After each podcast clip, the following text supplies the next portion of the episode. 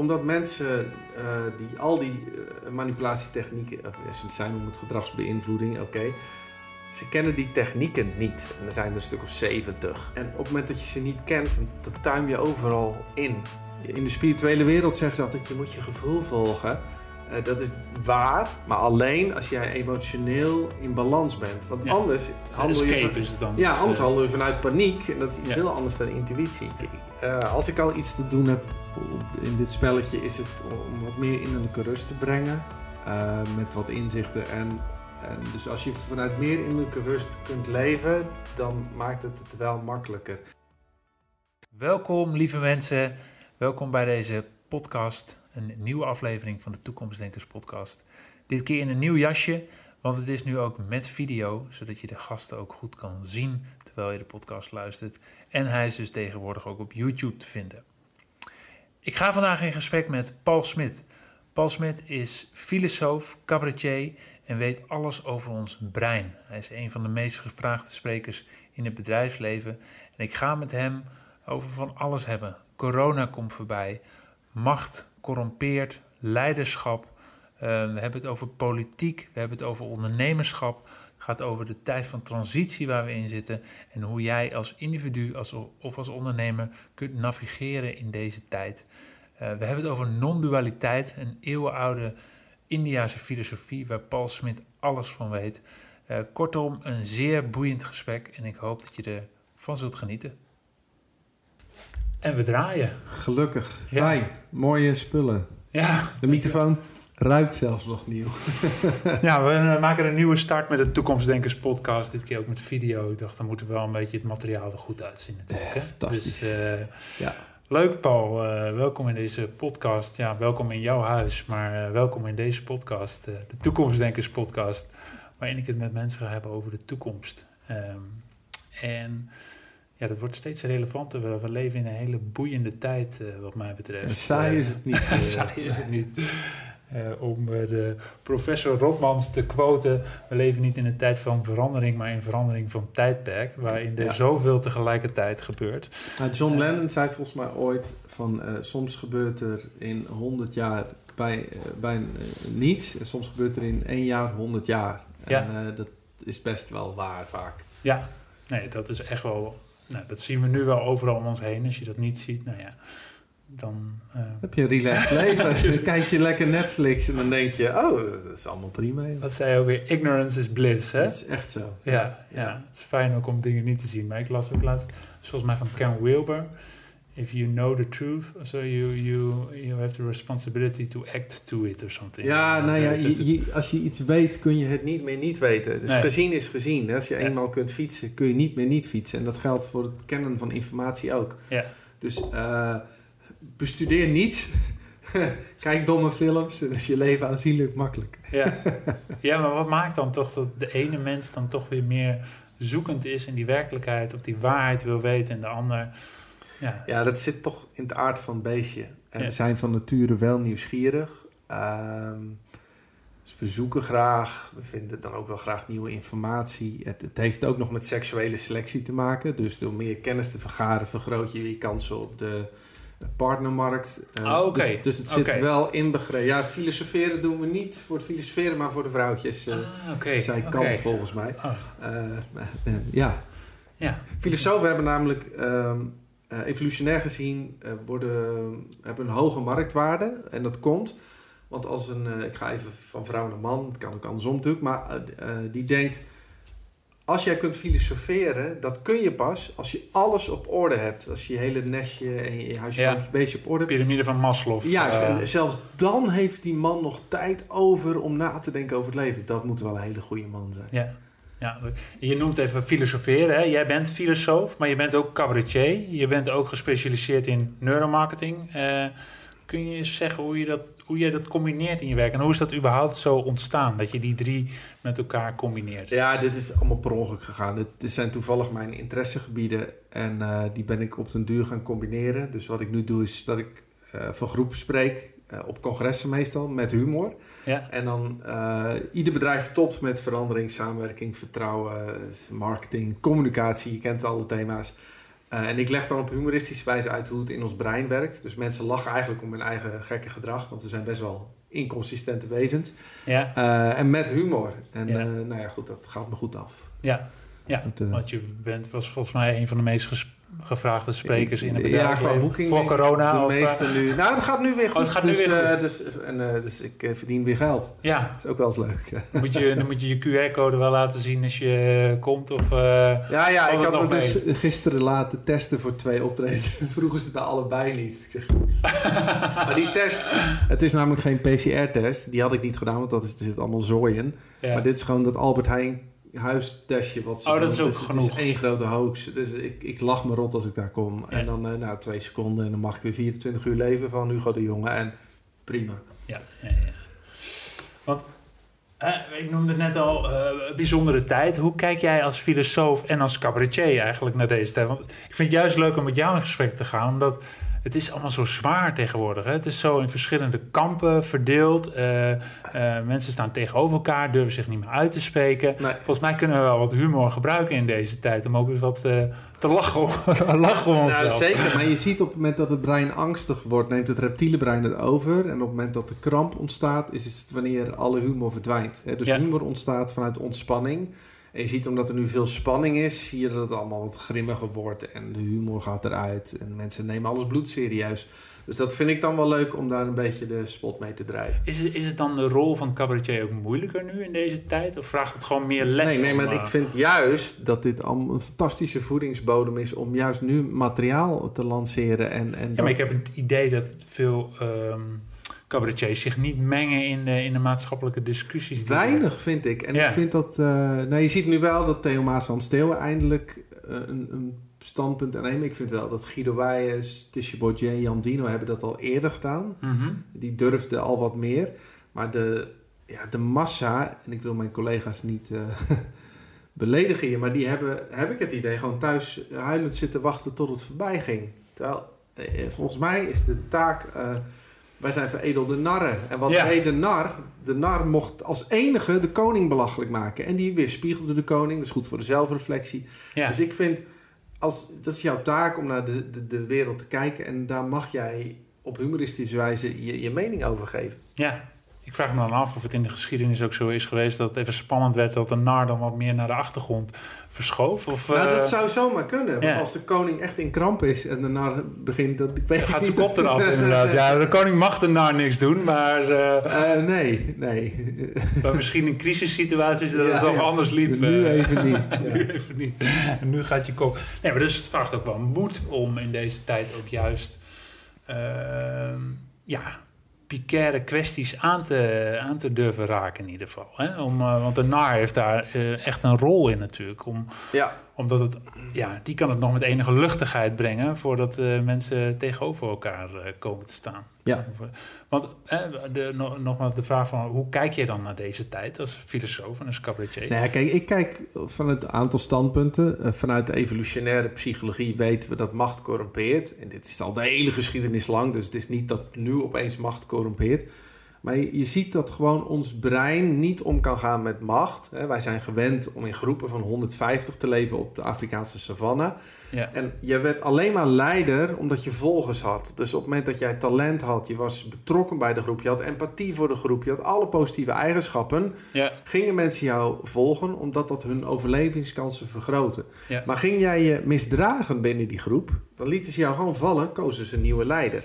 Dus dat mechanisme is super belangrijk. En wat je nu ziet, dat is wegkomen te vallen. Dus, dus iemand kan zich totaal met macht misdragen. Mhm. Alleen je kunt zo'n persoon niet weghalen. En dan zie je dat. eh, Ja, omdat de systemen zo zijn gebouwd dat, dat, dat, dat mensen met macht in een positie kunnen blijven zitten.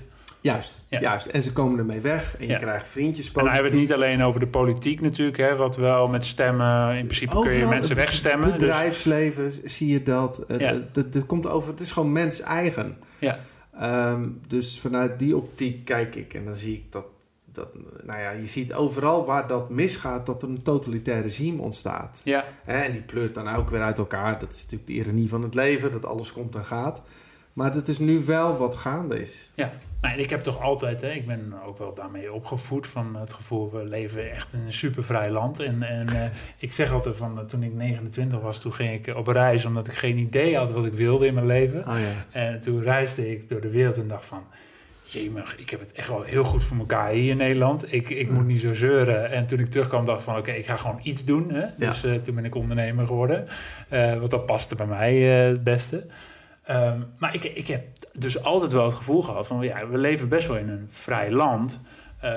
waarin ja, je mag denken wat je wil, waar je mag zeggen wat je wil. En als je dat overal kijkt in de wereld, is dat ook nog steeds zo, denk zeker, ik. Hè? Zeker. Ik bedoel, zijn we echt wel, uh, lopen we daarin wel ja. voorop. Ja. Maar het vraagt misschien ook wel iets van ons om dat te behouden. Uh, om niet dat voor lief aan te nemen en, en, en te denken van, nou ja, dat, dat zal wel voor eeuwig zo blijven. Ja, uh, maar je, je ziet het ook ontstaan nu wereldwijd. Dus uh, als in de groep de leider zich ging misdragen, had je een stop. En dat houdt in een strategy to overcome the powerful. En nu zie je dat wereldwijd miljoenen mensen de straat op gaan. En dat, dat is een stop. Alleen dat is in de moderne tijd. En dat is gewoon wanneer uh, het vertrouwen in die leider is opgeheven. En dan Ja. gaan mensen eisen nieuw leiderschap. ja, nieuw leiderschap. Nee, dat is iets wat natuurlijk in onze politiek ook continu ge- genoemd wordt, zeg maar, nieuw leiderschap. Het wordt uh, genoemd. Maar wat ja. is dan nieuw leiderschap? Hè? Want het is ook weer, en net als met die bedrijven, het is ook weer een soort van nieuw marketing eh, dingetje. Ja, van, maar dat is hetzelfde met duurzaamheid. En, en de, de- je hebt dan over de betekenis van ondernemen. Ze roepen dat allemaal als Ja. een soort marketing Ja. trucje. Voor het imago is het leuk. Alleen, ja, mensen veranderen niet zo snel. Dus als dezelfde poppetjes die ook in Den Haag blijven zitten... Ja, dat, gaat gewoon, dat gaat hem niet worden. Dus, Nee. dus Nee. je gaat alleen maar je gedrag aanpassen vanuit urgentie. Dus als het echt moet, dan Mhm. pas gaat dat brein dat doen. En als je ermee wegkomt... Oké, dat is een interessante dus. Hè? Dus van, van die urgentie is op dit moment niet voldoende aanwezig om iets anders te willen. Als ik naar de peilingen kijk, 37, 37 zetels voor de VVD. Dus eh, dat zegt niet dat ze roepen om een, eh, om een verandering daarin. Nee. Ehm, hoe, dat is altijd een vraag die ik voor het laatst bewaar. Maar hij, hij komt nu eigenlijk al even op. Van, hoe, hoe, hoe, zie jij, eh, hoe, zie, hoe zie jij die transitie? Hè? Als we aannemen dat we in een transitie zitten naar iets nieuws. Ja. Hoe, hoe zie jij die transitie voor je? Van hoe, hoe zal dat zich gaan ontwikkelen dan die komende tien jaar? Jij bent ook geen waarzegger, maar wel als filosoof, van, als we daar eens over nadenken. Van hoe, hè, als dit systeem niet meer werkt, met deze mensen werkt het ook niet meer. Die mensen gaan niet uit zichzelf weg, want het is, eh, je wilt die macht gewoon behouden. Tuurlijk. Ja. Eh, ja, hoe gaat zich dat ontwikkelen? Ehm, we, we krijgen nog behoorlijke strubbelingen, schat ik zo in. Eh, als deze mensen blijven zitten, dan wordt gewoon de agenda uitgerold zoals die is bedacht. En dan vrees ik dat de massa er vrij laat achter gaat komen van... En wat bedoel je dan met deze agenda? Nou, eh, kijk, wat je ziet bij ieder eh, neiging van machthebbers is totale controle. Ja, en dat is natuurlijk al... eh, de hele geschiedenis kun je dat overal op neerleggen. Wat dat machthebber wil, controle. Ehm, en de wijze waarop ze dat doen, dat heeft te maken met gedragsmanipulatie. Je, dat weten ze. Ik ken die mensen die bij de overheid dat doen. Daar heb ik voor opgetreden. Die zijn helemaal bezig achter de schermen van hoe kunnen we het volk dusdanig... Ja, zij noemen het niet misleiden, want zij hebben vaak ook nog echt het idee dat ze iets goeds aan het doen zijn. Ja, bijvoorbeeld met klimaat. Hè? Hoe krijgen we de mensen mee dat ze de juiste maatregelen nemen voor het klimaat, zodat we met z'n allen overleven eigenlijk? In die zin zit er soms misschien ook nog wel een goede gedachte eh, achter. Ik denk, het- ja, en ook al is het nog de grote vraag eh, in hoeverre de, die kli- klimaatcrisis werkelijk, of die cijfers kloppen. Want het, het begint al dat je, je, je misleidt al door de verkeerde informatie te geven. Mhm. En systematisch, dat zagen we met corona, is natuurlijk, het IFR is 0,23. Nou, dat is niet heel schrik. en dode, dode ja, ja, het is geen ebola of SARS. Nee. Het, is gewoon, Nee. het is wat erger dan griep. Ja. Het is een beetje echt wel irritante ziekte, maar het is niet dat we gaan uitsterven als homo sapiens. Maar door systematisch ehm, de angst los te laten met het meer exposure effect. Dus je blijft het continu maar herhalen. En dan vooral ehm, met individuele extreme gevallen. Dat is wat je iedere dag op het Mhm. nieuws ziet Mhm. dan maak je eerst eh, het brein bang. Dus het reptiele brein gaat aan. Dat houdt in dat mensen niet meer eh, op een gegeven moment rationeel kunnen nadenken. Nou, en dan rol je je strategie uit, maar dat doe je met kleine, concrete stappen en tussenpauzes. Dus dat houdt in, je begint te zeggen, we, we geven geen handen meer. Nou, dan is er een pauze van rust en dan komt het anderhalve meter. Mhm. Dan geef je mensen weer rust, gaan we mondkapjes dragen, weer rust. Gaan we lockdown doen, weer rust. Gaan we de avondklok doen, weer rust. Gaan we het vaccin doen, weer rust. Gaan we het paspoort invoeren. En daarna twee vaccins per jaar. En dus er komt Met als doel? Dan. Nou, het, het doel is uiteindelijk, schat ik zo in, het is een, hun uiteindelijke doel dat jij natuurlijk een app krijgt waar de overheid eh, meer grip heeft op jouw gedrag. En het dus- Chinese principe. nou ja, eh, die hebben dat gewoon, het social credit point systeem. Dat is voor een overheid het ultieme. Want dan kun je alles trekken van iedereen. Je ziet precies hoeveel geld je hebt. Je CO2-uitstoot kan erin. Zij beslissen of je wel of geen pizza mag eten als jij te dik bent. Dus voor een machthebber is, is zo'n systeem waarbij alles getracked wordt, is natuurlijk het ultieme. En je ziet dat China loopt daar heel erg op voor. Ja. En, en voor die mensen is het social credit systeem, dat draait hun hele leven om. Ja, ja. ja en dat, ik, aan de ene kant hè, heb ik altijd zoiets van... Ja, en als je het zo uitlegt, dat klinkt heel logisch ook. Hè, macht corrompeert inderdaad. Het risico wat eraan zit is vaak ook dat... eh, eh, mensen dan vaak denken dat een, een bepaald groepje is, zeg maar, een soort van Illuminati, eh, die, die, die, die, ja, die heeft het slechtste voor ons met, met ons. En die, die hebben dit helemaal uitgedacht hoe, hoe, hoe dit te gaan doen, zeg maar.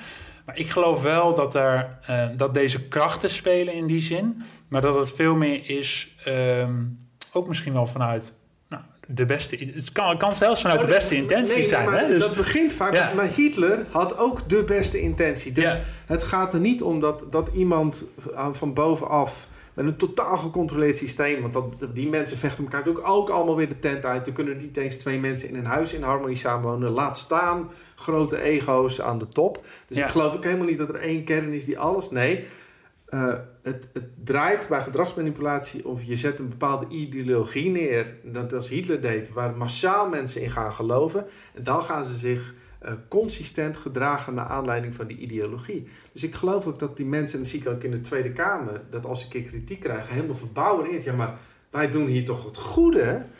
Ehm, dus het, het zit er niet in de slechtheid van de mens, maar in het manipuleren van de mindset. ja. En, en daar heeft het veel meer mee te maken. ik, ik heb wel het idee dat hè, als het gaat over corona bijvoorbeeld... en de maatregelen, de, de, de, de enorme maatregelen die genomen worden... dat het wel iets meer in het publieke debat ook komt. Hè? Dat er ook eh, Zeker. kamervragen worden gesteld... en niet alleen door Thierry Baudet... maar ook eh, door, de, door partijen als D66 of ChristenUnie... eh, Ja. dat dat wel iets meer in het debat komt. Dus is het iets wat ja, misschien wel geleidelijk aan bewustzijn kan komen? Of zal er, zal er sowieso een soort van conflict of een soort van uitbarsting Nou, je- je- nodig je moeten zijn die, voordat eh, we... polarisatie zie je nu ontstaan. En hoe komt dat? De mensen die in het, eh, het, het overheidsnarratief zijn gaan geloven, die zijn eh, als het ware gehersenspoeld. Ja, Ehm, en op het. Nou, ehm, it's easier to fool people than to convince them they're being fooled. Dat zei Mark Twain. Ja. En dat is echt zo. Ja. Want als je in de maling bent genomen en je vertelt. Hey, Sinterklaas bestaat niet. Ja, hoezo hoor? Daar geloof ik mijn hele Oh ja. van. Ja, ja, daar ben ik ook Het nog Spijt me. Nee, maar Ja. het is gewoon een man met een baard. Dat is niet waar! Ik heb hem zelf gezien. Ik heb nog op schoot gezeten. Ik heb cadeautjes gehad. Nou, als kind... ik ben met een vriendje heb ik toen geweigerd eh, dat Ja. hij niet bestond. Want ja, we hebben al die liedjes gezongen. Kom op zeg. eh. Precies. maar nu, op het moment dat jij een mRNA-vaccin hebt genomen, waarvan nu de University van Oxford al aantoont, na een half jaar is dat één grote grap en die Delta-variant en zo. En je bent net zo besmettelijk als iedere ander weer. Je kunt het ook net zo makkelijk weer doorgeven. Als jij dat eenmaal hebt genomen, dat is het ergste wat jou kan overkomen. Dat, dat je denkt, ja, maar dan heb ik dat twee prikjes gezet. En nu zie je al, als er een derde straks in moet, zoals in Israël. Ja, dan, ja, ja. Maar anders zeggen ze, maar je hebt nu een app. En anders krijg je gewoon geen groen vinkje. Ja, maar wat jij nu vertelt, dat wil, ik dan liever niet horen. Nee, dat Toch is ook niet leuk. Maar Nee. wat je krijgt, mensen die, die dus zien dat deze... Ook al is het wellicht goed bedoeld, ook vanuit de dat zegt dat dit zal wel werken. Terwijl testfase 4 nog niet is afgerond. Deze zijn volledig hierin gaan geloven. En aan de andere kant krijg je ook hersenspoeling. Ik, kijk, als filosoof hou ik ervan dat mensen kritisch kijken. Mhm. Alleen daar heb je de clustering illusion, wat inhoudt, jouw brein doet connecting the dots. En dat houdt in, je maakt allemaal snelkoppelingen. Oh, we hebben corona en we hebben 9 ook 11 en dus de Illuminati en dus dat. Dus de, de complotdenkers in hun brein wordt de hele wereld corrupt. Mhm. En dat is natuurlijk helemaal niet zo. Mhm. De mens is best wel oké, alleen Mhm. een van onze eigenschappen is dat macht ook corrumpeert. Ja, Ehm, alleen beide groepen worden door confirmation bias nu zo beïnvloed dat ze deze gelooft op een gegeven moment volledig in een corrupte wereld. Ja. En deze gelooft volledig in dat we de Ja. overheid moeten volgen. En dat is die polarisatie die ontstaat. Ja. En om iemand van En dat is ook niet te stoppen, denk ik. Dat wordt alleen maar extremer natuurlijk. hè. Je kent ook wel de documentaire Social Dilemma van eh, Netflix... Precies. waarin je eigen bubbel terechtkomt. En dat wordt alleen maar meer gevoed. Alleen maar meer. En zeker mensen die eh, eh, behoefte hebben aan een soort van houvast... Hè, aan beide kanten eigenlijk... Ja. die zullen dus daar dat aangrijpen om, om een soort nieuw van zekerheid te krijgen. Ook. Wat, wat ook heel logisch is natuurlijk Klopt. weer. Plus, je wil, dat is de sociale druk. In de oertijd ging jij dood als je buiten de groep viel. Ja. Dus je- alles in ons is erop gebrand om ons te gedragen. eh, in, dat die, die cohesie blijft ontstaan. Dus zit jij in een groep mensen. Ik zag het van de week nog. Ik ben met mijn optreden klaar en ik sta in een groepje van vijf mensen.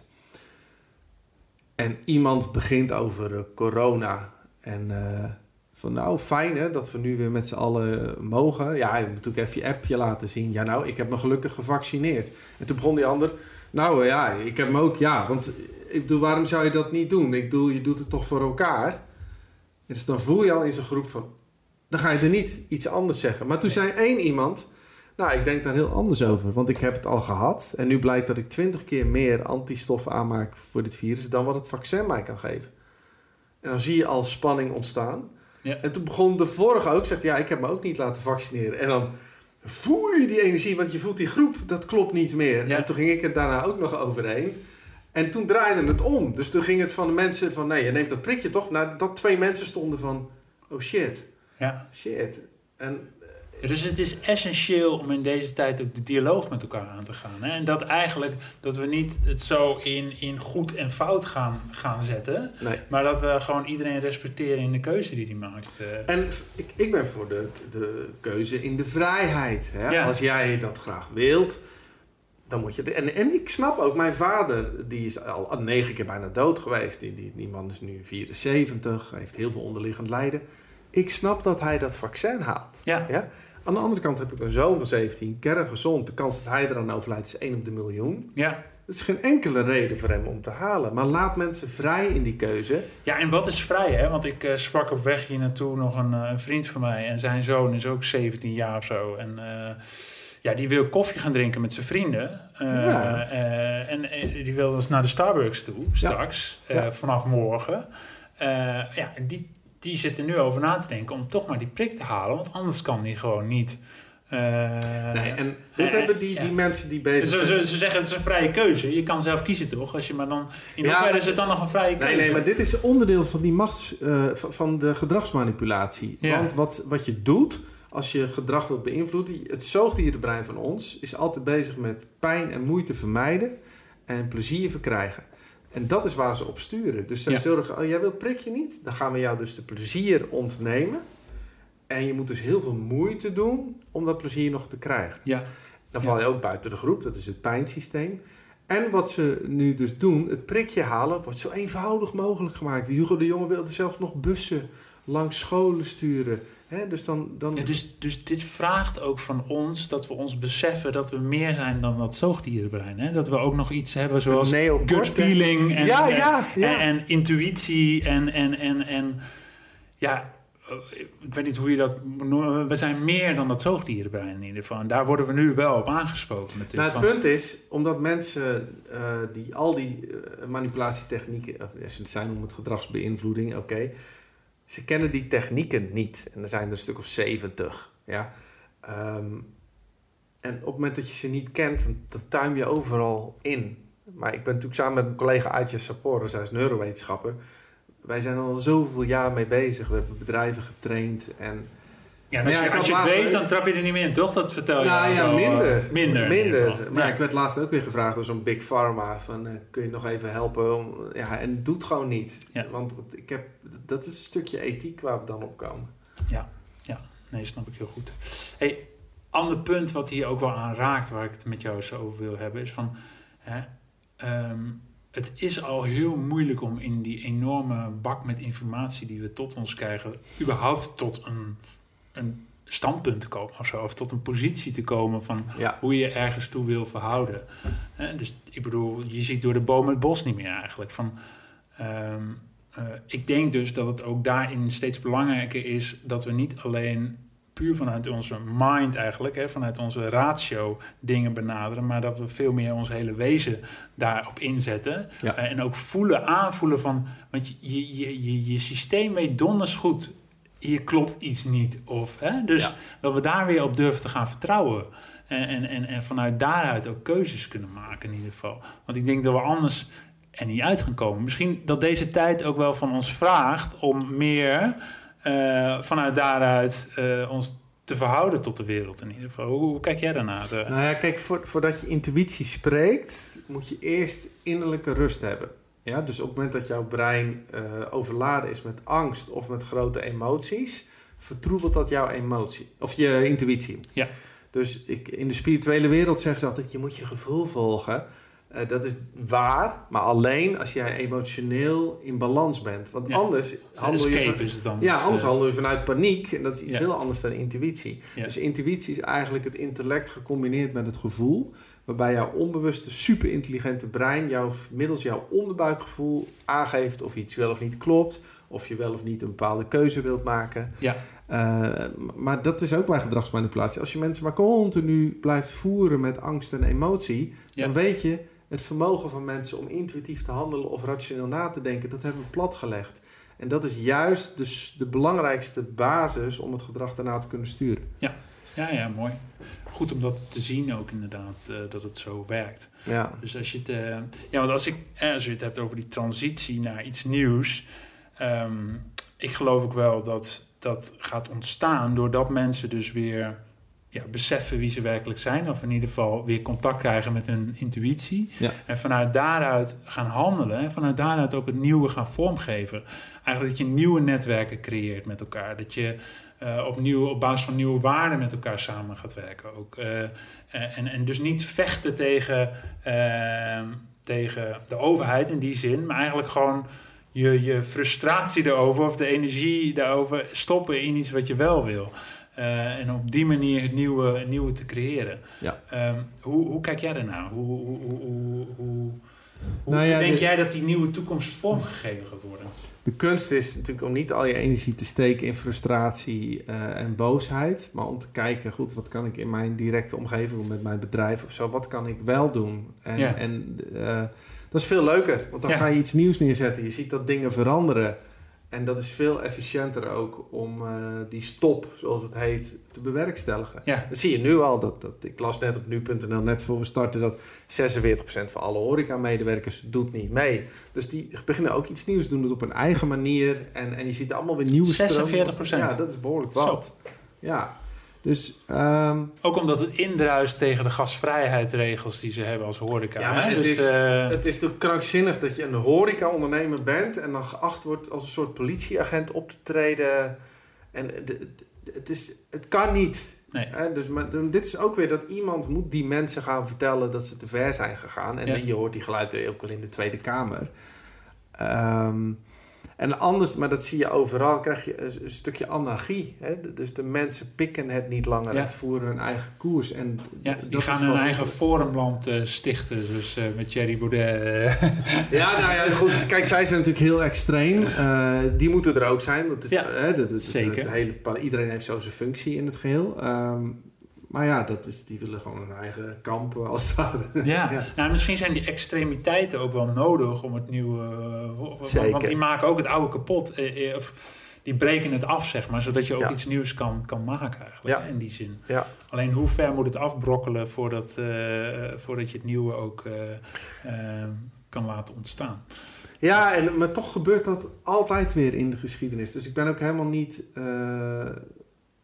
hopeloos van dit gaat helemaal verkeerd. Want, Nee. want je ziet de poging om zo'n eh, globale, eh, centraal gestuurd systeem neer te zetten. Dat is al diverse malen gedaan en Ja. diverse malen mislukt. Ja, En zelfs als het al lukt, dan zie je dat zelfs ook daar het systeem weer afbreekt. We hebben het ook het communisme in Rusland gehad. Ja. We hebben Hitler gehad met zijn, bizarre plannen. En uiteindelijk, en dat is wel weer wat het leven doet. Het leven is altijd een golfbeweging. Dus dingen komen en dingen gaan. Het is het in- en uitademen van het universum. Ja. En daar horen al die processen bij. Eh, dan verkrampt het weer met, met, met macht en dan, dan, dan brokkelt het weer af. ja. Dan komt er weer iets nieuws. Eh, en dat zal nu ook weer gewoon zijn. En je hoopt natuurlijk dat het niet met te veel bloedvergieten of te veel. eh, hè, dus maar je zegt wat, wat, wat bij mij, je bent niet ho- hopeloos. Dus ben je dan optimistisch? Of, eh, is nee, dat, nee, nee. Ik ben zeker geen optimist. Ik ben een realist. Dus ik kijk gewoon van hoe de dingen nu zijn. En Ja. alles is zoals het is. Ja. En, en vanuit dat standpunt kijk ik. Dus ik ben ook geen idealist, maar ik ben ook geen pessimist. Een realist. Ja, maar een realist. Ja. Alles is wat het is. Hè? Dat, dat, dat linkt ook wel aan non-dualiteit. Ja. Eh, is misschien nog wel leuk om even iets over uit te wijden. Wat, wat, wat, wat bedoel je daarmee? Alles is zoals het is. Nou ja, non-dualiteit is dan een stroming uit het oude India. Eh, dat heeft heel veel raakvlak ook met het monisme van Spinoza en Albert Einstein. En die zeggen heel simpel gezegd: alles in dit universum is energie. En die energie is in beweging. En daarbij gaat alles zoals het gaat. Ehm, maar ook wij mensen. Kijk, als de wind gewoon waait, zeggen we de wind waait en het water stroomt en de, de vogel vliegt, de hond blaft. Maar, maar, maar wij beslissen zelf wat we zeggen. En die filosofie zegt dus, dat lijkt zo omdat jouw brein jou fopt, maar feitelijk gebeurt dit allemaal gewoon. En het bevrijdende aan die filosofie is dat je dus meer, zoals Eckhart Tolle noemt, in het nu leeft. Er is gewoon op dit moment dit.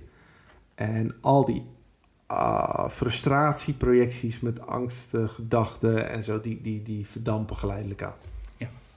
Dat is een filosofie waar we nu wel heel veel eh, baat bij hebben in deze tijd natuurlijk. Dat je ook kan realiseren als je midden in het verhaal zit van oh, waar gaat het naartoe? Dat je ook even toe, af en toe kan beseffen, ja maar het gaat ook precies zoals het gaat. En zo gaat het in de hele geschiedenis al met golfbewegingen. Precies. Eh, en dat kun je ook oh, even ontspannen. Ja, je neemt even afstand en, en Ja. dan heb je nog steeds, je kunt je mening hebben en je voorkeuren, et cetera. Maar, Ja. maar het is niet meer dat je daar s s'nachts van wakker ligt of dat je in een constante angstkramp loopt. Ik, ik ken ook wel mensen die komen hier dan binnen en die beginnen over complotten te praten. Die mensen zijn helemaal bang en gefrustreerd en die slapen slecht. En, het Ja. is al, eh, en, dan, Ja. en op zo'n moment is, is deze zienswijze dat je denkt, relax. Ja. Dit, eh, dit, is, dit heet gewoon de mensheid. Het is nooit anders geweest. En het zal ook nooit anders zijn. Het gaat gewoon zo. Zoals het gaat. Ja, En het is ook altijd zoeken van een balans. Hè? Dus eh, ik merk dat bij mezelf ook wel. Ik, ik vind het heerlijk. Of, ik heb er heel veel aan om af en toe even te relativeren. En het gaat precies zoals het gaat. Maar ik kan ook soms wel eens te veel rela- relativeren. Dat ik eigenlijk bij alles denk van.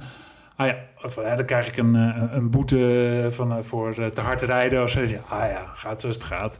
Maar doordat ik elke keer maar, ah ja, gaat zoals het gaat, hè, voel ik de emotie er niet bij. En- Nee, en, doordat ik die, die emotie niet voel, ja, verander ik ook niet eigenlijk. En, en, ja, is er ook minder leven in die zin eh, misschien wel. Dus, ja nee, het, is, het is mooi wat je zegt. Het is, het is een, en wat vaak ook gebeurt in het leven, dat er altijd wel weer een bepaald proces is waarbij je toch weer helemaal er wordt ingezogen en inzoomt. ja, En dan opeens ga je alles weer super belangrijk vinden, of nu je werk is of een relatie. En dan ah, paniek.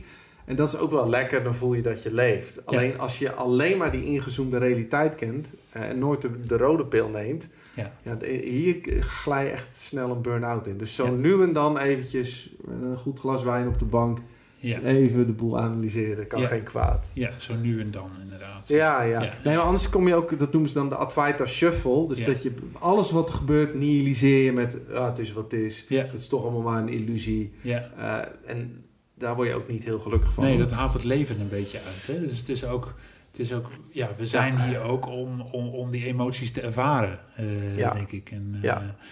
eh, ja, dus dat, dat is ook, ja, dat, dat is ook lekker. zo. Nou, ik schrijf in mijn boek, je, je kunt naar een feestje gaan en zeggen... ja, maar wat is het punt van dit feestje? Ik bedoel, gaan we drinken en dansen en dan is het afgelopen... en, en dan word je morgen weer wakker. Dus ja, Ja. Het, het slaat nergens op. Ja. Hè? Ja. Maar je kan ook gewoon genieten van het feestje. Ja. En, uh, ja, ja, ja, zeker. En het gevaar is van deze filosofie, of het gevaar, uh, dat mensen de dingen te veel nihiliseren. Ja, ja want dat, dat, dat, dat is ook wel een mooi bruggetje. Uh, want ik, ik, ik begeleid ondernemers, eh, betekenis, in betekenisvol ondernemen. En eigenlijk de hoofdvraag die ik altijd stel in het begin is van... wat raakt jou nou als je naar de wereld kijkt? Oh, ja. En wat vraagt de wereld dan voor jou? Niet zozeer van hè, wat zou ik graag willen... maar veel meer als je van buiten naar binnen kijkt. Wat vraagt de wereld van jou? Oh, ja.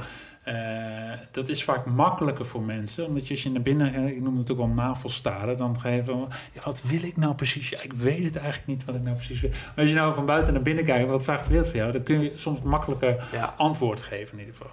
Maar dat wat raakt jou als je naar de wereld kijkt, dat, eh, ik zeg, dat is ook wel de brandstof waarvan uit je in beweging kan komen. Want in dat stuk heb jij iets te doen, blijkbaar. Dus of het jou nou raakt dat er geen verbinding is tussen bepaalde mensen, of dat het jou raakt hoe we met de aarde omgaan, hoe we met dieren omgaan. Oké, dan heb je daar dus iets te doen. Ja. En laat dat de brandstof zijn voor jouw onderneming. Uh, uh, heb jij iets wat jou raakt, waar jij, uh, waar jij van in beweging komt?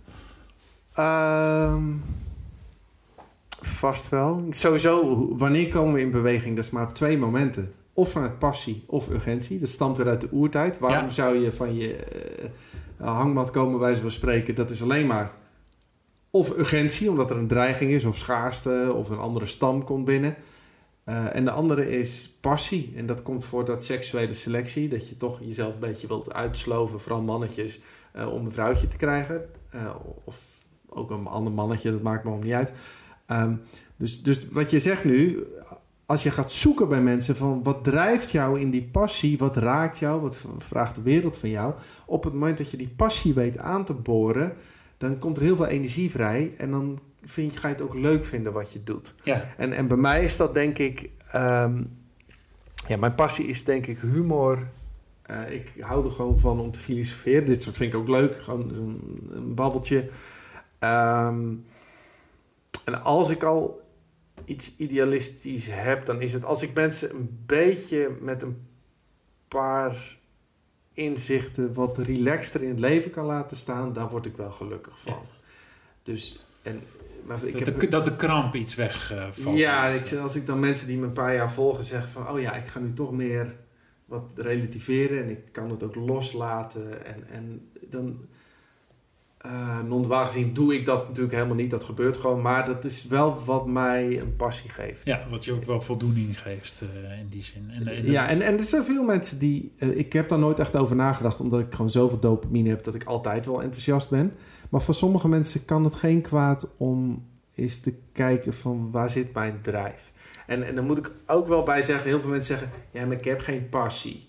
En dan zeg ik... of heb je gewoon niet genoeg geprobeerd... Ja. Ik zeg, want je weet ook niet waar je passie is. Je gaat eerst tien nieuwe dingen starten. Ja. En dan één van die tien voel je van, ah ja, dit Ja. is het. Want het is heel vaak dat jij kiest helemaal je passie niet. Jij begint aan iets. Ja. Hè, dan kom je in een bepaald circuit en een netwerk. Ja, en, zo en- ontstaat het. Ja. En, en dan opeens denk je, maar dit is leuk. Maar dat geldt ook bijna alle bedrijven die starten. Je, je initiële doel is zelden wat jou succesvol maakt. Nee, Ja. je begint en dan gebeurt er hier ergens Ja. iets onverwachts. En dan Ja. denk je, hé, hey, maar dat is tof. Ja. En daar word je dan... Ja, ik zeg wel eens van Jet, hè, eh, van de bui- vanaf buiten lijkt het dat die ondernemer van A en dan heb je B Ja, succes, ja, ja, hè, dat dat is zo mooi. gaat. Ja. Maar Het gaat altijd, oh, daar kom je toevallig iemand tegen en daar, eh, Ja. oh, eh, en, zo, en zo kom je bij het punt inderdaad. Want ik heb En dat jong- maakt het ondernemerschap ook leuk natuurlijk, want het is gewoon één groot avontuur. Ja, mensen, jonge ondernemers vragen me dan ook van eh, soms wat, wat is je visie en strategie? Zeg, dat heb ik allemaal nooit gehad. Ik zeg, het enige wat je hoeft te doen, blijf bewegen. Ja. Wat inhoudt, wees actief, eh, zet dingen op het internet, ga koffie drinken met mensen, Ja. wees enthousiast. Ja. Ik zeg, en dan rolt Ja, het en doe dus ook wat je leuk vindt. Hè? Dus Ja. ga, ga, eh, ga de dingen doen waar je energie van krijgt. Ja, En stop met de dingen waar je geen energie van krijgt. Ja. Eh, want blijkbaar levert dat niks op. Dus dat, dat is ook nog wel hele, hele goede graadmeter eigenlijk in die zin. Ja, heb je wel een ondernemersmentaliteit voor nodig. Dat is niet voor iedereen. Hè? Sommige Nee. mensen eh, zijn erbij gebaat om gewoon structuur te hebben. En oh, zelfs houden sommige mensen ervan dat iemand jou gewoon vertelt wat je moet doen. Ja. Ehm, en een ondernemer is vaak wat gekker. Die springt gewoon in het diepe. Hè, we gaan allemaal wel eens een keer failliet of er mislukt weer eens een keer iets gigantisch. Maar dat hoort bij het ondernemerschap. Dat je, ik heb hele domme dingen gedaan. Maar ik heb ook een paar dingen gedaan die me iets hebben opgeleverd. En, Ja. Maar als je bang bent daarvoor, dan moet je niet gaan ondernemen. Nee, dan nee. ga je gewoon met UWV werken. En dan... Ja, oh, heb ik trouwens ook nog gedaan. Hier. voor, we wilden wel sparen voor die reis, zeg maar, om, eh, om weg te kunnen. Oh, ja, maar. ja, ja. Oh, Daar was UWV eh, uitermate geschikt voor, ja. Dus, eh, maar ik ken de wereld wel een beetje in die zin. Dus ik ben blij dat eh, het, eh, wel het pad van het ondernemerschap eh, Ja. gevonden heb in die Ja. baan. Maar ja, je, je noemt, jij noemt ook wel eens van je bent zo geprogrammeerd of niet eigenlijk. Hè? Dus er is gewoon ook een bepaald percentage zo geprogrammeerd als, als ondernemer. ja. Misschien is er Ja. ook wel een bepaald percentage geprogrammeerd als zijnde... ehm ja, hoe zullen we dat nou noemen? Die, die, die, die, die, hè, die wat kritischer kijkt naar de, de, naar de tijd waarin we leven en hoe de dingen gaan. Klopt. Dat zou ook niet iedereen zijn. Eh, Nee. eh, ik heb wel eens, Jan Rotmans die noemt dat ook wel, maar meerdere van om een transitie op gang te brengen, heb je zo'n 20 tot 25 procent nodig, omdat dan de rest van het systeem ook kan. Ja. En ik geloof ook wel, omdat, omdat ik denk dat die voorhoede of zo het, het pad effent en, en ook nieuwe, nieuwe paden bewandelen waar dan de, de, de rest in, in, in mee kan gaan of zo. Ja. Dus, dus zo zie ik het ook Dus wel een beetje. innovatie begint bijna altijd, ook in de muziek, bij outsiders. Bij mensen die snoei-eigenwijs iets doen waarvan iedereen eerst denkt van... Hè? Ja, En dan... eh, ik weet nog dat dat nummer van de Red Hot Chili Peppers kwam uit van... eh, give it away, give it away, give it away now. En, ik, en mijn vrienden echt zo... Dit is toch geen muziek meer, jongen? Wat, wat is dit, weet je wel? En dan... En niet veel later was dat gewoon... Zo, Red Hot Chili Peppers! En Nirvana deed hetzelfde. En dat, je- het is soms... ja, Het is nooit de, de mainstream wa- waaruit iets eh, in dat zie je ook in die top 40. Dat is natuurlijk allemaal, allemaal de, de, replica's van Ja, elkaar. Er gebeurt natuurlijk helemaal niks creatiefs. nee, Het zijn echt de outsiders die denken en nu gaan we het radicaal anders doen. ja. En ja. dat is geldt in, in bedrijven geldt dat zo. Nu is het in bedrijven eh, super grappig altijd. Je mag nooit een fout maken, maar je moet wel innovatief zijn. Ja, Dat gaat niet. Want Nee. voordat jij iets, iets doet wat werkt, moet je gewoon eerst tien keer geblunderd hebben, minimaal. ja, Maar als je dat nooit probeert, dan. Want het is ook. Dat, dat vind ik altijd wel interessant. Je begint iets, dat mislukt. Maar daaruit ontstaat iets wat je hier nog niet kon weten. Dus het feit dat, dat het een keer misgaat, maakt dat je daardoor op iets komt wat je nooit had bedacht. ja, En bij veel bedrijven zie ik dat de, die eerste stap, nee, no, no, nee, allemaal protocollen, Excel-sheets, maar al- als het maar niet misgaat. ja, Ja, en dan stagneert de boel. ja. En dan word je ingehaald dus eh, door eh, andere partijen die het wel beter doen en die wel Zeker. dat principe kennen natuurlijk. Dus zo, Ja, hè, als het met die golven gaat, zo gaan ook bedrijven die wegvallen. Alleen je hebt nu natuurlijk wel een aantal hele sterke bedrijven die niet zomaar omvallen. Kijk naar de Google en de Facebook en de nou Apples ja, van wat, wat zij doen, net als Apple. Apple is helemaal geen innovatief bedrijf. kopen Dat is- dat- die, kopen, die kijken gewoon, oh, start-ups. En die hebben zoveel geld. Dat Ja. is gewoon, oh, up, pakken we mee, pakken we mee. En, en dat is natuurlijk eh, in deze tijd het gevaar dat eh, een, een handjevol megabedrijven zoveel macht heeft. Ja. En dat is, dat, is, dat is gewoon gezien vanuit de programmering van de mensen niet verstandig. Nee. Dus hoe zou dat, hè, hoe, hoe, hoe zou dat veranderen, zeg maar? Zo'n enorm systeem. Kijk, ik ben ook heel erg afhankelijk van een LinkedIn of een... Hè, als ook. deze podcast opnemen, Ja, ja, waar ga ik het publiceren? Op YouTube. En Ja. waar ga ik het delen? Op LinkedIn. Eh, of ik zet het in Apple Podcast. Nou, de enige een beetje onafhankelijke, ook een hele grote bedrijf, Spotify dan. Nou, maar ik bedoel, Ja. eh, is natuurlijk ook een hele grote jongen, maar die, die, ja, die vind ik dan nog een beetje Maar los daarvan Het is, staan, het is maar. Al dat, dat Joe Rogan voor slechts 100 miljoen koopje naar Spotify ging. ja, Omdat ik mag ook dingen niet meer op YouTube zetten inmiddels. Ja. Want op het moment dat ik mijn mening geef, ook al is die op allemaal wetenschappelijke feiten gebaseerd. Als zij beslissen dat het niet de feiten zijn, dan word ik ervan afgehaald. ja, Dus, ehm, en dan zegt YouTube, want er zijn natuurlijk wel rechtszaken aangespannen. Ja, maar wij zijn gewoon een privaat bedrijf. En dit is onze policy. En jij bent bij ons te gast, dus wij beslissen of dat wel of niet mag. ja, En dan zegt de rechter, klopt, want jullie zijn een privaat bedrijf. Ehm, de spanningsveld zitten, als daar zoveel procent van de hele wereldbevolking een beetje op zo'n platform zit, Ja, heb je natuurlijk ook een functie, eh, maatschappelijk gezien, waarbij de vrijheid van meningsuiting elementair moet, zou moeten zijn. Ja. En, en dat zie je nu ook op LinkedIn en Twitter. Mensen die maar een beetje eh, moeilijk doen, die proef- gewoon weg account. En Ja. ik krijg nu ook al waarschuwingen. Dan, dan, dan post ik iets. En dat gaat gewoon over evolutionaire psychologie. En ik krijg poef, grote melding erom, eh, disinformatie. maar dat is natuurlijk allemaal kunstmatige intelligentie, hoe dat gestuurd wordt natuurlijk. Hè? Dus Tuurlijk. dat, dat wordt gewoon op de grote hoop en daar wordt het- dat woordje gezegd en dan Ja. oké, dat mag niet. Ja, dus mensen Dat die is, eh, spellen COVID nu wel anders. En, eh, Oh ja? ja, ja. Maar goed, je gaat dus, hè, als je het hebt over die, eh, als we het even terug naar die transitie, dan, dan je noemde van, hè, het zijn de mensen, de, de buitenstaanders, eh, die het nieuwe vormgeven. Ja. Ehm, nou, ik denk dat dat ook wel, en daar wil ik me niet mezelf per se toescharen, maar ook wel dat in podcasts, zeg maar, de nieuwe gesprekken op gang komen, waar we- heel veel kanalen die enorm veel vogels hebben in één keer. Een black, black box eh, ken je Oh, ja, misschien ja, wel, ja, hè? Of eh, ehm, eh, nee, die, die, die zijn wel heel erg op corona geënt. Maar je hebt natuurlijk tal van. Hè? Joe Rogan vind ik een mooi voorbeeld met de 10 miljoen volgers. Of Ja. Russell Brand met 3,5 miljoen volgers. Dus je krijgt natuurlijk allemaal nieuwe kanalen. Hè? Dus, Ja. En sommige mensen die zeggen van ja, maar dat is best wel gevaarlijk. Want ja, eh, de, hoe we de huidige instituties hebben ingericht, is wel goede journalistiek. Want, want er wordt altijd wel gekeken van, hè, klopt dat wat hij zegt, fact-checking en noem maar op. In zo'n podcast wordt van alles geroepen eigenlijk. Ja. En mensen gaan er gewoon vanuit dat het, eh, dat het waar is. Hè? Dus, En dat is dus de, het gevaarlijke, omdat we nu de, het monopolie op de waarheid bij de mainstream media gaan leggen. ja, En ze zeggen wij hebben factcheckers en dat zijn vaak gewoon vier stagiaires die even googlen. Dat stelt ja, echt geen moe voor. nee, Ehm, en die zeggen dus, nee, zo en zo is het. ja, Eh, dus, dus dit ga- gaat echt scheef. En plus, wat waar is, dat is filosofisch gezien nooit te zeggen. Want zelfs wetenschap is niet waar. Want een, een wetenschappelijk onderzoek is ook subjectief. En is dat beïnvloed door het brein van de wetenschapper. En de, de manier waarop het is gedaan.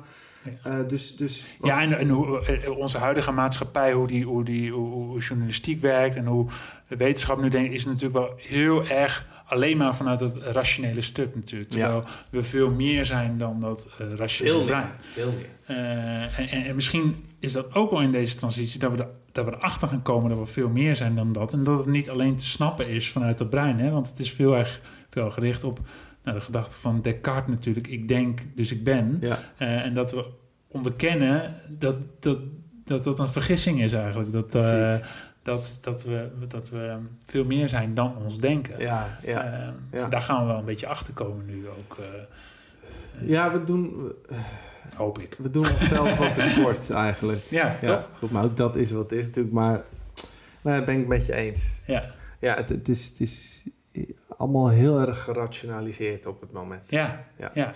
ja. de, de- ik vind het altijd een mooie uh, schets. Uh, Hofman, die doet, maar Ken Wilber noemt dat ook van, zeg maar, je hebt de, ik-wereld, Ja. eh, je innerlijke belevingswereld. Je hebt de wij-wereld, dat is onze uh, Mhm. relatie, hoe die eruit ziet, maar ook een cultuur van een bedrijf. Ja, ja. Dat is de wij, uh, de innerlijke wij-wereld. En we hebben de het-wereld. Dat is gewoon hoe we in de uiterlijke wereld de zaken hebben geregeld. Ja, Dus ja, mooi. Structuren, Ja. eh, eh, processen, protocollen. Dat is allemaal de uh, verkeerslicht. Dat is allemaal het wereld, zeg maar. Ja. En we zijn te, in onze westerse maatschappij, te veel gefocust op die het-wereld. Waarin, we, waarin de balans weg is geraakt. Waar de, die ik-wereld en die wij-wereld beetje vergeten zijn. Ja, behalve in hele spirituele kringen, daar zijn ze te ver doorgeschoten misschien. In de, in de ik, de ik en de wij-wereld. Maar volgens mij is het heel belangrijk om die balans uh, te vinden. Ja. Uh, en en, en mijn, mijn, mijn hoop en mijn verwachting ook wel is dat juist door deze transitie dat we er erkennen dat we te veel zitten in die protocollen. Ik, uh, misschien ken je Willem Glaudemans ook wel, ja. schrijver van Cursus in Wonderen. En die, die noemt, noemde dat ook mooi van. Je ziet aan het einde van een, een, een uh, als, als een samenleving heel veel protocollen en processen heel Ja. erg sturend Ja, daarop gaat zitten, dat betekent vaak het einde van een. van Ja. een uh, en volgens mij hoorde ik, er is ook zo'n historicus of cultuur, ik weet niet meer, een Spengler heet hij. Ik weet niet of je die kent, die noemt ook van, die noemde dat al voor de Tweede Wereldoorlog. Dat hij kon zien eigenlijk dat deze maatschappij, de westerse maatschappij zoals we hem nu kennen, richting een einde komt. Oh, oké. Ja. net zoals het Romeinse Rijk op een gegeven moment eindigde. Ja, ja. bij Joe Rogan ging het er ook over dat je uh, in, in de Romeinse tijd, toen de scheiding tussen mannen en vrouwen steeds diffuser werd, dat een teken was dat, dat, dat, dat, dat het, ja, ja, ja, dat het aan een einde kwam. Zeg maar. Klopt, En dat zie je natuurlijk ook nu in Nederland. Transgenders en we mogen niet meer hij of zij zeggen, nee, het is het. Nee, iedereen is beledigd inmiddels. Ja. De, de politieke correctheid. Dus, dus in hoeverre zitten we misschien ook wel aan, aan een einde van, hè? Van, uh, van, van, van, van, van ja. Misschien wel een tijdperk van 400 jaar. Van, van, uh, ja, nou ja, maar ik denk dat wat er nu gebeurt, dat dat straks in de geschiedenisboeken echt hele grote hoofdstukken worden. Ja, toch? Ja. Ja. Ja. Ja. ja ik, ik ben, het is een hele interessante tijd. Zeg ja. Maar. Ik zal eens even spieken. Hoe, uh... Oh, druk ik hem volgens mij. Nee, oh, nee. Even kijken. Helemaal goed. Het, oh, nog 10 minuten. Nou, dat, helemaal nou ja, dat, maar dat is wel leuk om daar, om daar nu op uit te komen. Van, van, hè, ik noem het ook wel van. Het is alsof je in deze tijd een beetje door mist moet navigeren. Hè? Je, ja. je, kunt je nergens meer precies aan vasthouden. Uh, er is niet een duidelijk punt op de horizon of zo. Nee, en het, het, geloof is diffuser geworden. En, en, maar ook het geloof in uh, systemen is diffuser geworden. Ja. Dus het is voor mensen inderdaad alsof je op drijfzand aan het wandelen bent. Ja. ja. Dus wat, wat, wat, wat zou jij mensen mee willen geven van wat is belangrijk in deze tijd? Wat, wat kun je zelf doen eigenlijk om, om wel ja, enigszins te navigeren door deze tijd? Heb je daar een antwoord op? Nou ja, dat is meer wat ik net al zei. Uh, als ik al iets te doen heb in dit spelletje, is het om wat meer innerlijke rust te brengen. Uh, met wat inzichten. En en dus als je vanuit meer innerlijke rust kunt leven, dan maakt het het wel makkelijker. Mhm. En volgens mij is, dus dan heb je ook nog genoeg ruimte in je hoofd om de informatie iets beter te filteren van wat binnenkomt. En om kritisch te, te kijken. Ja, dus innerlijke rust is wel essentieel. Uh, nou ja, zeker nu. Want op het moment dat je bent overladen met de, de, de, hele angst, uh, propaganda zelfs... En, en alle emotionele dingen die naar je toe worden geworpen... Ja Ehm, nou, en, en, soms is daar ook wel urgentie belangrijk in. Ik heb, ik heb uh, ooit een keer een ayahuasca-ceremonie gedaan. Dat was in 2017. Ah, ja. En toen kwam ik mijn grootste angst tegen, zeg maar, van, van nou, dat de wereld naar, uh, naar, de, naar zijn zo'n gootje ging en uh, nou, weet ik veel wat allemaal. ik zou je de details besparen, maar in ieder geval uh, wat het me wel bracht, is dat ik zo in een soort van kramp uh, schoot daarna eigenlijk. Van, van, dat ik geen nieuws meer kon kijken. Oh, Als het ja. radiobulletin afging, dan zet ik de radio oh, ja, uit. Ja, ik kon het gewoon niet horen. Maar dat was wel, dat was eigenlijk mijn redding uiteindelijk. Want, want daardoor ben ik eventjes even losgekomen van het, van het verhaal wat ik continu op me af krijg. Dan kon ik eventjes weer contact maken met mijn eigen innerlijke rust. En, en daardoor ook bij mijn eigen inspiratie komen. En te bepalen van oké, als dit de wereld is, hoe verhoud ik me er dan toe? En wat wil ik eigenlijk? En, en uh, nee, toen, ik, ik zag in die, in die cinema een heel helder beeld van... Uh, uh, de soort, soort, soort van wereld die verging. Maar wat ik kon doen was fikkie steken. Dus ik zag mezelf fikkie steken. En niet lang daarna kwam Wim Hof ook op mijn pad. en die, zijn bedrijf heet Inner Fire. En, ja, ja, ja. Uh, ik ben toen uh, de opleiding tot Wim Hof instructeur uh, gaan oh, doen. Enerzijds om mezelf te helpen om weer die energie terug te vinden. Maar ook, ja, ik geloof ook ja, dat, dat mensen vanuit die innerlijke rust, maar ook vanuit hun kracht juist zelf moeten nadenken: oké, okay, maar waar ga ik mijn energie nou insteken? Waar ga ik nou, ja, waar ga ik gas op zetten? Want dat is ook in mijn, mijn zin een, een, een, medicijn om om te gaan met deze tijd. Door je, jij noemde het zelf net ook al, van door, door, je te focussen op je eigen cirkel van invloed. Wat kun je, wat kun je daar binnen nou doen? Precies, hè? want mensen. wordt het veel te groot. ja, en, en uh, dan overziet je brein het ook niet meer. Want kijk, je kunt, ik dacht vroeger dat ik de wereld kon redden. En nog een denk je, oh, wacht, dat is iets anders. Maar kijk inderdaad. Wat dus je bent wel idealistisch geweest? Ik, was ooit, ik was ooit idealist en ik ben nu realist. ja. Ehm, maar dat is ook omdat ik deze realiteit niet zie als werkelijk. Ik denk dat dit inderdaad, zoals vele filosofieën zeggen, een droom is. Wat ook uit de kwantumfysica blijkt. Hè, dat het een soort matrix is waar we in leven. Dus ik zie dit leven meer als een, eh, een, een, een verschijning in het bewustzijn, een spelletje waarbij wij als zogenaamde wezens rondlopen in een driedimensionale wereld en die alleen maar voor ons echt lijkt, maar niet echt is. Mhm. Dus, dus er valt ook helemaal geen wereld te redden, want dit is gewoon eigenlijk een soort film die zich afspeelt. En vanuit die optiek boeit het ook me ook niet. Boeit het me ook niet als ik dood ga, want dat, dat, dat maakt het is, dus het is maar een spelletje. En, Ja. van- en omdat dat maar een spelletje is, kun je het gewoon leuk mee gaan spelen en een beetje erom lachen Ja. en het niet te serieus nemen. Ja. Ja. ja, ik weet ook dat die shamaan elke keer zei... Be the screen and not the content. Dus wees het doe Nou ja, eh, de- het gebeurt in plaats de, van... de, de ultieme metafoor van Ramana Maharshi. Hè? Gewoon, Ja. gewoon, je bent het witte scherm waarop allemaal projecties van die film komen en gaan. En wij identificeren ons met die projecties. Dus denken, oh, wat al dit, stel nu dat. En als je dan gewoon het witte scherm bent, Ja. dat is Elke, onaangetast. elke keer weer naar terug eigenlijk. Gewoon iedere keer weer uitzoomen als het ware. En dan, eh, oh wacht, oké, weer eventjes terug. Ja, mooi, Ja, mooi. Dus innerlijke rust is een hele belangrijke. zeker. Eh, heb je nog andere dingen waar je... even- Dat, dat is wel... Nou ja, binnen, binnen het verhaal zeg ik vaak ehm, het filteren. Want ehm, ons brein is helemaal niet gemaakt om zoveel informatie per dag tot je te krijgen. Dus wil je die innerlijke rust hebben, moet je sowieso goed slapen, goed eten en dus bewegen. Dat kan geen kwaad. Maar ook, eh, doe het jezelf niet aan om eh, je gewoon gebombardeerd te worden door het journaal, door kranten, door, door pop-ups. Eh, dus dus ik, bij mij staat het allemaal uit. En dat maakt mijn leven zo relaxed. Ja, Want je- zoals jij net zei, als ik het nieuws niet zie, dan bestaat het dus niet. nee.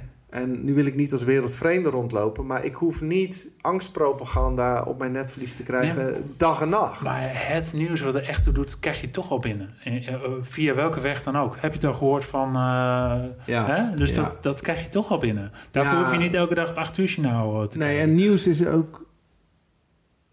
Als je het nieuws kijkt, weet je precies wat er niet in de wereld gebeurt. Ja, want je, ja, er is een vliegtuig neergeknald eh, of neergestort, ja.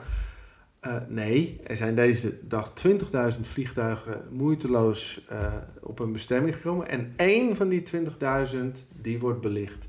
En zo gaat het ook met corona. Eh, er is een 34-jarige man eh, overleden, eh, paniek. Nee, vandaag is nog steeds 99,85% van de bevolking. Dan gaat het allemaal helemaal goed mee. Ja. Er is één man die toevallig onderliggend lijden had en heel veel pech gehad. Ja. Dat is heel, heel verdrietig voor die familie. Het zou leuk zijn als we in het acht uur journaal jou dan uitnodigen... en dat je dan af en toe even naast zo'n bulletin zegt... geen paniek. 98,5% van...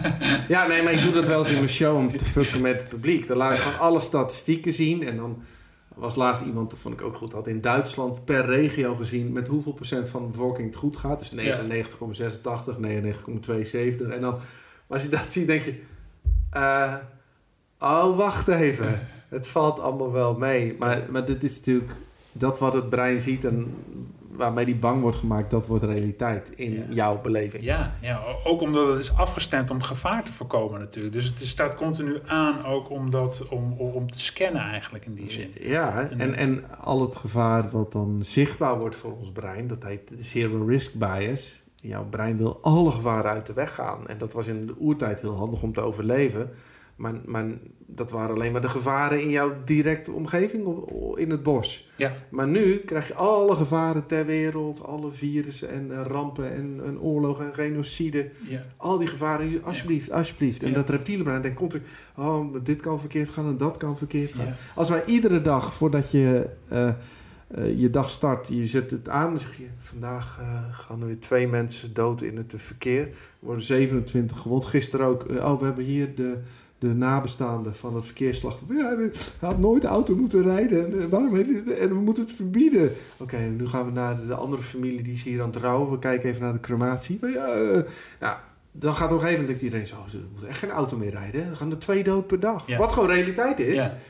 Maar ja, dat doen we niet. Nee, het is dus niet gek dat onze samenleving zo op control gericht is van, om, om, om, Ja. om pijn te vermijden eigenlijk. Om, om, om de dood eigenlijk uit te sluiten en ziekte eh, eh, Ja. weg Ja, weg. te stoppen. Hè? Ja. Dat, dat, dat, eh, nee, dat, dat is eng. Dat is, Dat is eng. ja. Ja. Dus, dus, dus ja, ja dat, dat zal wel moeten leiden tot een nieuw besef of zo. Van, van, Nee, het voordeel is, verandering ontstaat door urgentie. Dus je ziet continu in de geschiedenis daar waar het volledig, en jij noemde het al een paar mooie dingen wat je ziet, het, we gaan volledig een, een, een filter in, Ja. alles vernauwt zich, er komt heel veel spanning vrij. Ja. En dat is het moment waarop dingen uit elkaar spatten. Ook het Romeinse Rijk ging op die manier. Hè. Dat, Ja. dat ging op een gegeven moment, knalde dat. Eh, met- ook met de USSR, precies hetzelfde. En dat gaat nu in mijn voorspelling Ja. weer gebeuren. Maar we moeten eerst eventjes helemaal Ja. naar het dieptepunt. Ja. Voordat daar zoveel urgentie vrijkomt dat er een transformatie plaatsvindt.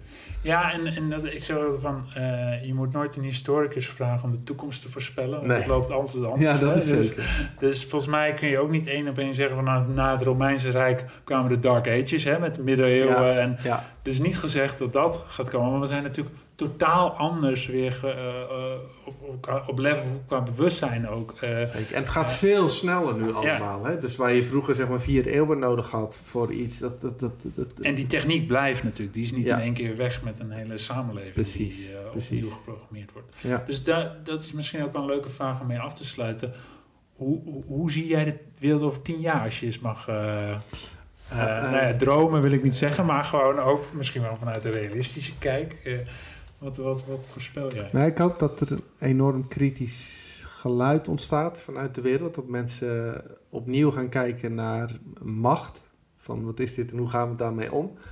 En ik voorspel qua technologie dat we geen idee hebben wat er komt. Omdat de AI, dat gaat heel erg snel nu. eh, er komt straks een technologie, daar, daar heb je nog geen enkele weet van. En die is straks gewoon realiteit. Maar dat zegt Elon Musk ook. Of die AI die gaat de mensheid redden omdat die een stukje intelligentie toevoegt aan ons beperkte eh, korte termijn brein. Eh, of het is gewoon het einde van de beschaving. Want de AI denkt, eh hey, als we de planeet willen redden, is één virus en die moet weg. En die heet Homo sapiens. Want dat is de bron van alle ellende, wat waar is. Dus de AI kan het ook ons heel moeilijk maken. En ik, eh, ik ben realist, dus ik, ik, eh, ik, Open zie, einde. ik zie het open einde. Ja, Ja, ja, gewoon een cliffhanger. Ja. Ik weet het niet. Nou, ik heb ook met Kees Klomp gesproken en die zei van ik ben nog optimistisch, nog eh, pessimistisch. Oh ja, ja, ja. Ja. vond ik ook wel mooi. Het is, Terwijl hij natuurlijk best wel idealistisch is van betekenisvol je dingen doen. Ja, maar hij heeft ook een hele. Ik weet niet of je hem wel eens volgt op LinkedIn, maar hij is ook wel in, in your face met wat er allemaal misgaat, zeg maar. Oh, En- ook, wel, ook wel van de kant van. eh, misschien heeft hij daar ook wel een verschuiving in gemaakt hoor. Maar van, van dat we eigenlijk, wat hij zegt dan, eh, dat we het moment. eh, dat, dat we het klimaat al kunnen redden, al voorbij zijn. Dat we eerder moeten nadenken van wat voor systemen willen we bouwen om eh, als de mayhem ontstaat, zeg maar. Dus Ja, eh, ja. ja, het is ook niet altijd even Nee, was, ik, was een keer bij een optreden een paar jaar terug. Toen was er een professor voor me. En die liet alle statistieken zijn, zien van de de vervuiling. En, en op alle vlakken. En dan zag je overal had hij zo'n klokje dat het al kwart over twaalf was. Dat vond ik heel grappig. Kijk, hier ook, hier ook te laat, te laat, te laat. En ik zat zo...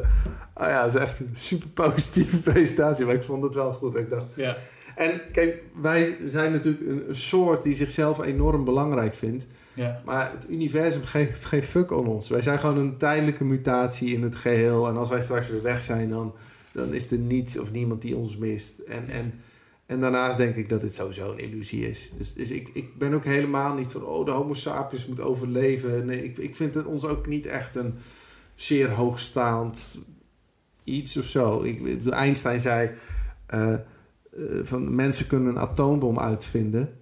But no mouse would ever build a mousetrap.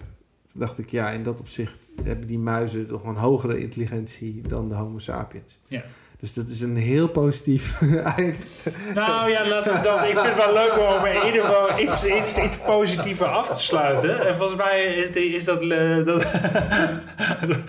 dat de muizen zullen overleven. Nee, maar meer van, van dat je uiteindelijk dat het een film is. Dus dat je dat je dat je dat, dat dit is wat je waarneemt, zeg maar. Dus je bent meer dan die dan die, die Homo sapien. nou ja, die, om, om het vanuit non-dualiteit, te- te- en zelfs de kwantumfysica komt erop uit wel, ehm, dat wat we werkelijk zijn, is het alomvattende bewustzijn. En dit allemaal is een tijdelijke verschijning daarin. En welke verschijning erin komt, is helemaal niet zo boeiend. Dat is maar een spelletje. ja. Maar wat je werkelijk bent en wat nooit kan vergaan en wat, wat eh, een eenheid is, dat is het bewustzijn. En als die herkenning eenmaal er is, dat noemen ze dan het ontwakingsproces, dan leef je gewoon als schijnbaar individueel poppetje gewoon mee. Je doet je, je, je spel. Maar je neemt dit niet meer zo bloedserieus. Dus je kunt een beetje relaxed naar, boel naar kijken. Soms, waar we het over hadden, dan zoom je lekker in, zit je in het proces. Um, dus speel het spelletje mee. Speel het spel, maar weet... ongeacht dat we niet weten eigenlijk uh, hoe de wereld er over tien jaar zou uitzien. Of we als homo sapiens gaan overleven of niet. Speel het spelletje. Uh, en wees je ervan bewust dat, dat je niet alleen ja. dit, dit uh, wezen in dit uh, vleespak Dit is een tijdelijke verschijning. Wat je werkelijk bent is zoveel groter en allesomvattender dan dit. Ja. Dat vind ik toch wel... Dat is wel een fijn, ja. ja. Was leuk, dankjewel. Dankjewel, Paul. Yes. Top. Dat was hem weer. Leuk dat je luisterde naar deze nieuwe aflevering van de Toekomstdenkers podcast. Ik hoop dat je hebt genoten van het gesprek met Paul Smit en dat het je nieuwe inzichten of nieuwe perspectieven heeft gegeven op die complexe werkelijkheid waarin we leven. En zodat je ook in deze tijd van transitie weer wat beter kunt navigeren. Want uiteindelijk is het maar een verhaal, volgens Paul. Hè? Dus uh, kunnen we ook wat meer afstand nemen, zodat je ook beter kan zien wat gebeurt er nou daadwerkelijk. Mij heeft het in ieder geval heel veel uh, perspectief en nieuwe inzichten gegeven. Ik hoop jou ook. Um, en als je nou meer afleveringen wilt luisteren van de Toekomstdenkers podcast, uh, kijk ook eens op toekomstdenkers.nu of op mijn nieuwe YouTube kanaal Wiebe Bakker. Um, maar je kunt het ook luisteren via jouw favoriete podcastkanaal, via Apple Podcast, Google of via Spotify. Voor nu wens ik je in ieder geval een hele fijne dag en tot de volgende keer.